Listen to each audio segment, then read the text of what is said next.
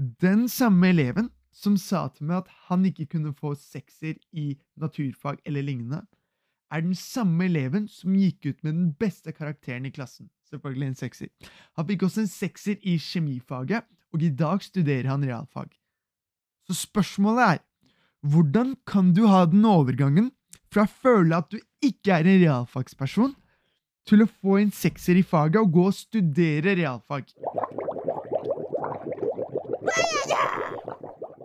Velkommen til Suksesspodkast. I dag skal vi gå gjennom et spørsmål vi har fått av en sender. Spørsmålet er Jeg har aldri forstått realfag, men drømmen min er å studere medisin. Hva kan jeg gjøre?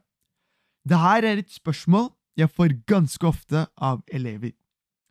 Jeg hadde en elev som kom til meg første dagen i naturfagstimen, og så sa han Vi har naturfag fordi vi må ha det på skolen.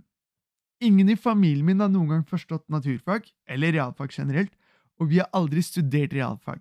Ikke ha høye forventninger til meg. Det som skjer, er at tidligere opplevelser med realfag, kanskje fra barneskolen og ungdomsskolen, fører til at mange elever får dette bildet av at jeg er ikke en realfagsperson. Jeg er ikke en kjemiperson, jeg er ikke en matteperson, jeg er ikke en biologiperson, you name it, men du er ikke en eller annen type realfagsperson. Det elever gjør, er at de gjør om dette til et genetisk problem. De gjør om dette til et problem som de ikke kan løse. Dette er utenfor mine krefter. Dette er utenfor det jeg kan løse, fordi jeg er ikke en realfagsperson. Det som skjer da, er at mindseten din blir ødelagt. Den samme eleven som sa til meg at han ikke kunne få sekser i naturfag eller lignende, er den samme eleven som gikk ut med den beste karakteren i klassen. Selvfølgelig en sekser. Han fikk også en sekser i kjemifaget, og i dag studerer han realfag. Så spørsmålet er, hvordan kan du ha den overgangen fra å føle at du ikke er en realfagsperson, til å få en sekser i faget og gå og studere realfag? Det aller viktigste her er mindseten. Det er hvilken innstilling vi har. Hva er det vi forteller oss selv? Enn å gjøre om dette til et genetisk problem som du ikke kan styre. Gjør heller dette om til et problem som du faktisk kan gjøre noe med. La oss forestille oss dette. Hvis du er en person som ikke kan studere realfag, og du ikke er en realfagsperson, du er ikke en matteperson osv., så, videre, så betyr det at du mener at intelligensen din ikke er i stand til å huske ting man går gjennom i realfag.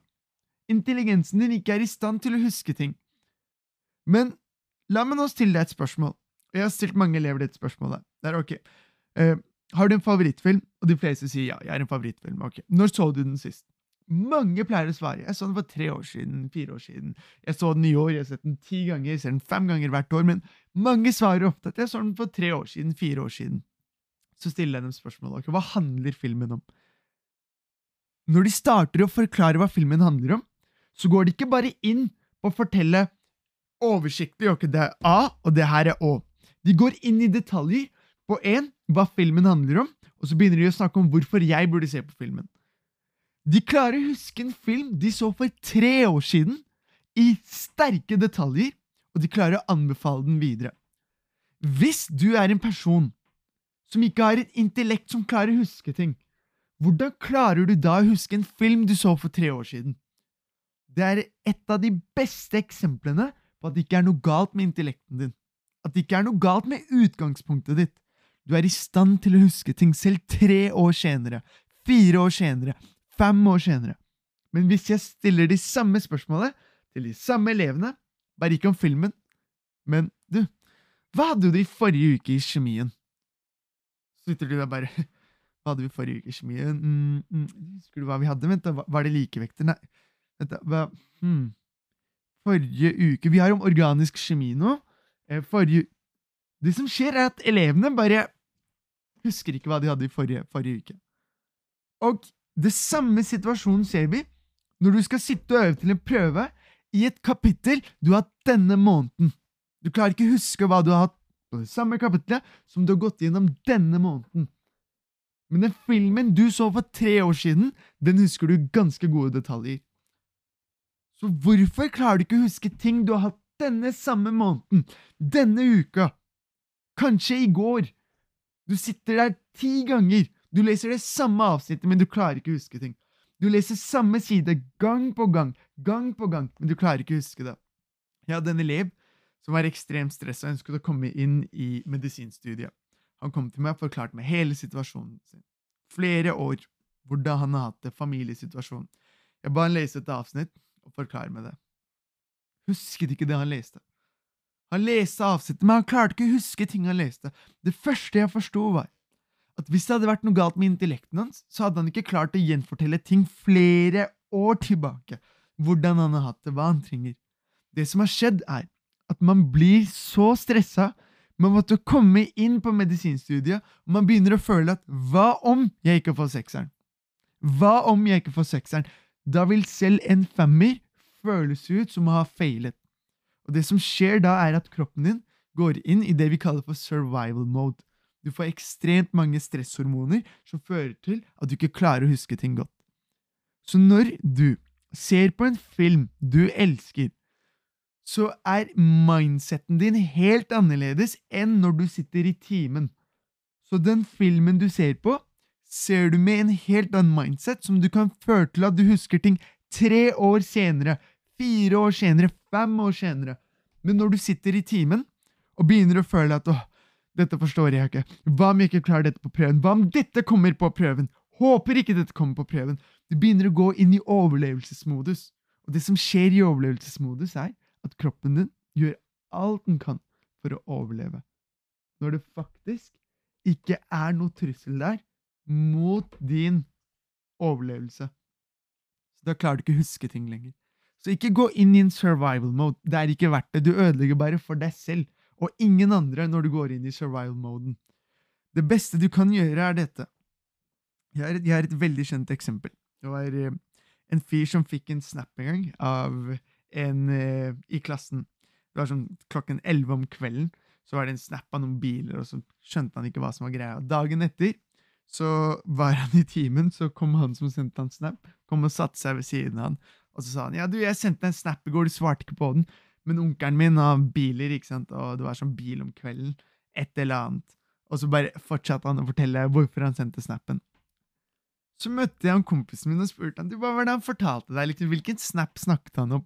Og han husket ingenting. Han var så, ja, Det var et eller annet med biler og onkelen hans. Han sendte meg en snap i går.